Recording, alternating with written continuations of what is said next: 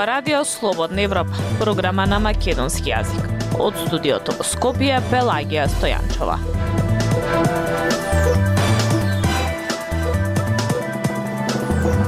Денешната емисија на Радио Слободна Европа објавуваме Руски олигарх санкциониран во странство во бизнис со брзи кредити во Македонија. Многу институции во земјава го чешлаат мерко за криминал и корупција, но Соединетите држави ги претркаа со санкции. Црна Гора и по 6 години не затвори ниту едно поглавие со Европската Унија. Слушајте не. Независни вести и анализи за иднината на Македонија. На Радио Слободна Европа и слободнаевропа.мк.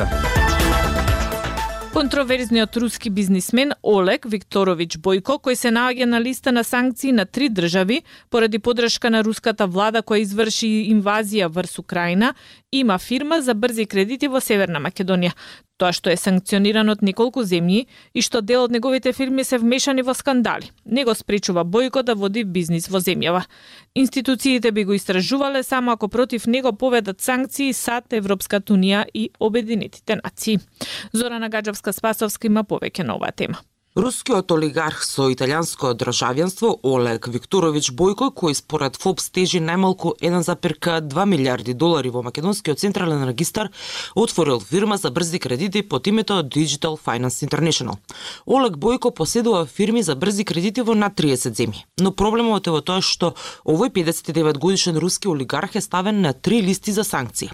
Во април минатата година е ставен на листа за санкции на Австралија, а од ноември и на Канада и Украина, поради финансиската подршка на руската влада која изврши инвазија врз Украина, пишува во меѓународната датабаза на податоци OpenSection. Рускиот бизнисмен Бојко се наоѓа на така наречениот список на Путин на Американското министерство за финансии, каде го зазема 17-тото место во групата од 96 олигарси кои го сочинуваат блискиот круг на рускиот председател Владимир Путин, пишува американскиот медиум CNN. Во извештајот на Американската раздавачка служба презентиран до Сенатот период во 2017 година, рускиот олигарх Бојко се нарекува лице со загрижувачки врски со руската влада и руските безбедносни служби и е вклучен во организиран криминал. Според истражувањето на романските новинари, Бојко заедно со неговиот партнер од Летонија не користат Малта како даначен рај за своите активности во Европа и САД, додека заработуваат од високи камати и трошоци кои им ги наплаќаат на клиенти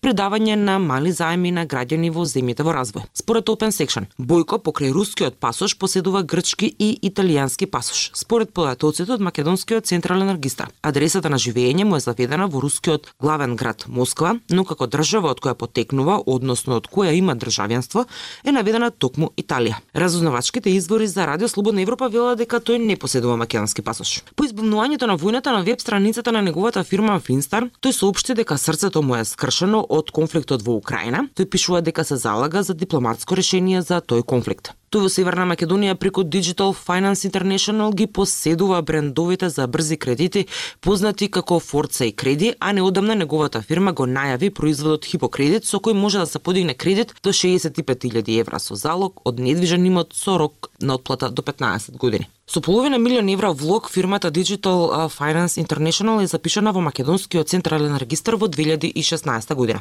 За само 5 години од основањето на ранг листата од 35 финансиски друштва кои се занимаваат со брзи кредити во земјава, во 2021 се искачи на седмото место со приходи од 2,5 милиони евра но добивката во завршната сметка изнесува само 10% од приходот, односно 226.000 евра, додека сето останато во завршната сметка доставено до Централниот регистар е заведено под расходи. Лани пак им паднала работата. Па оваа фирма остварила приход од 1,2 милиони евра, ама поради големите расходи прокнижени во завршната сметка, Годината ја завршила со загуба од над 300.000 евра. До објавувањето на овој текст не добивме одговор од управителката на оваа фирма во Скопје за причините за загубите. Фирмата Digital Finance International е дел од руската империја Финстар со седиште во Москва, која има своји керки фирми низ Европа, Азија, Латинска Америка.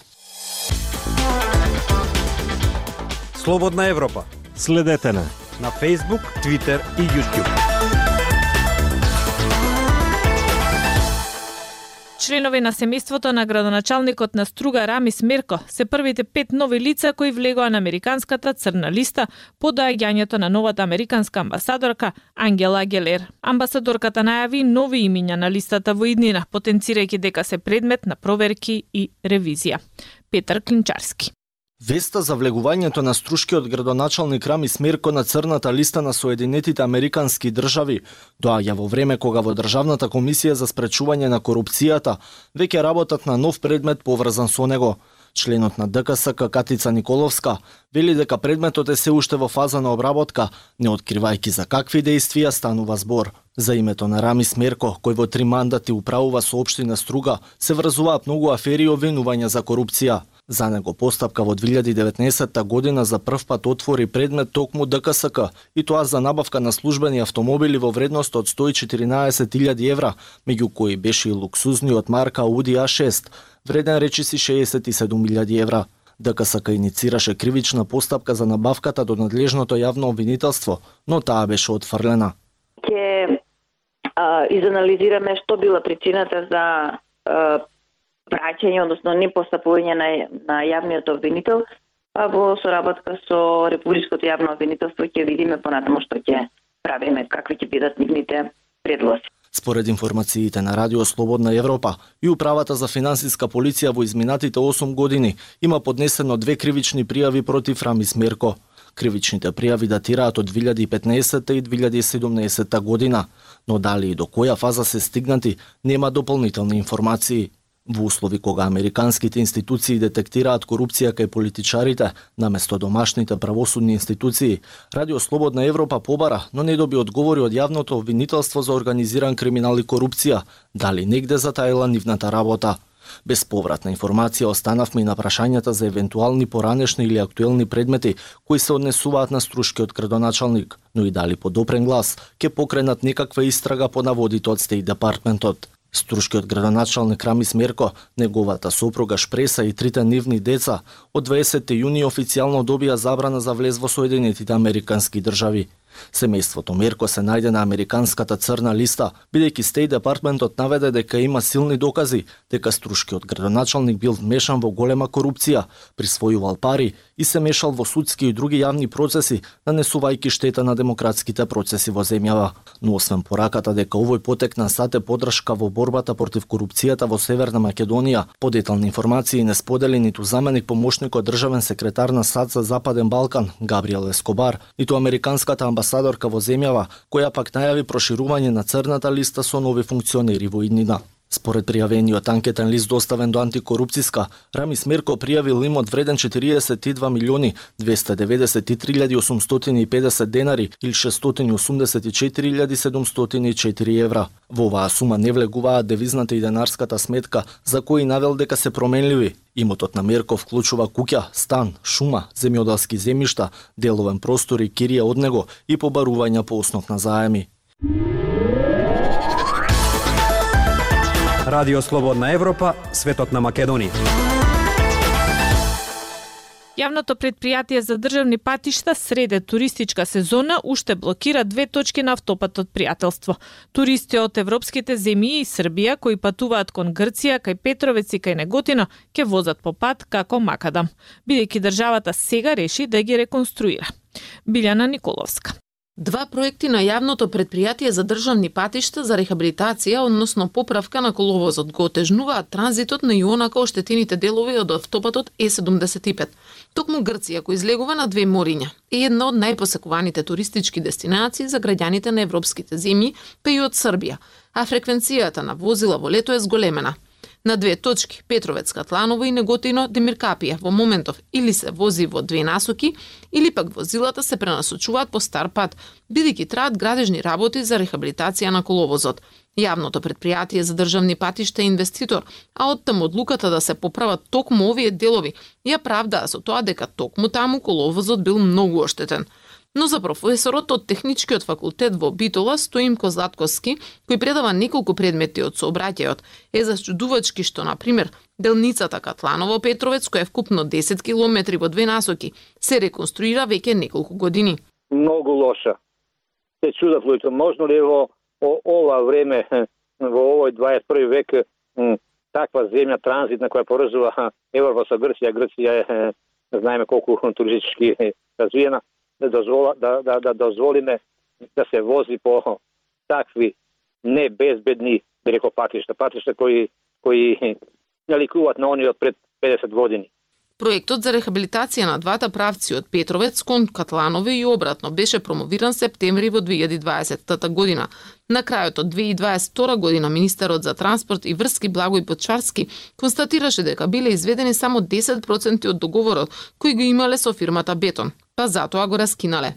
По ова беше распишан нов тендер и работите ги доби нов изведувач, кој во април годинава започна со работа на патот но интензивна изградба со поголем број багери и работници може да се забележи од пред околу еден месец, односно токму пред стартот на туристичката сезона. Демир Капија Неготино е втората точка каде ЈПДП инвестира во модерен коловоз, па обновата на 15 км пат почна пред стартот на летото. На 5 јуни на промоцијата на проектот кој ќе ја чини земјава 9 милиони евра, директорот на предпријатието за патишта и Рустеми најави дека сепак следната туристичка сезона би требало да се вози по автопат во двете насоки, бидејќи очекува работите да завршат до април следната година. Актуелности свет на Радио Слободна Европа.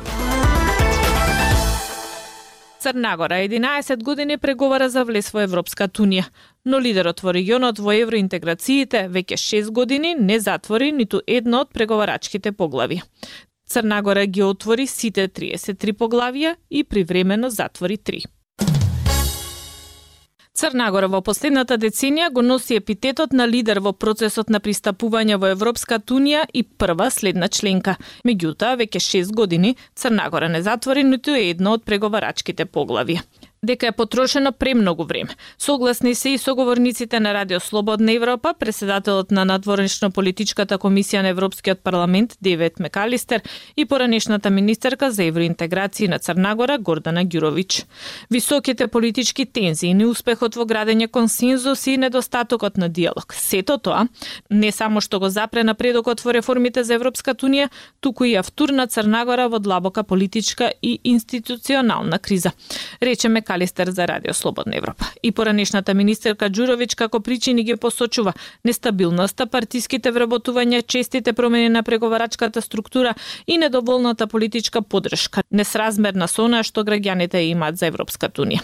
Подршката на граѓаните за членство во Европската унија достигна рекордни 79,3%, покажува истражувањето спроведено во мај за потребите на делегацијата на Европската унија во Подгорица.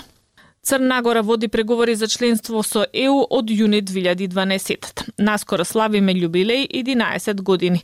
Примерот со Хрватска е веќе далеко зад нас и повеќе одиме кон искуствата на Турција, кој има многу замрзнати поглавија и преговара од 2005 Вели Ѓуровиќ. Хрватска преговараше 8 години од Министерството за европски прашања. Вела дека клучна причина за незатварање на поглавијата е недоволниот напредок во поглавијата 23 судство и основни права и 24 правда, слобода и безбедност, кои го диктираат темпото на напредок.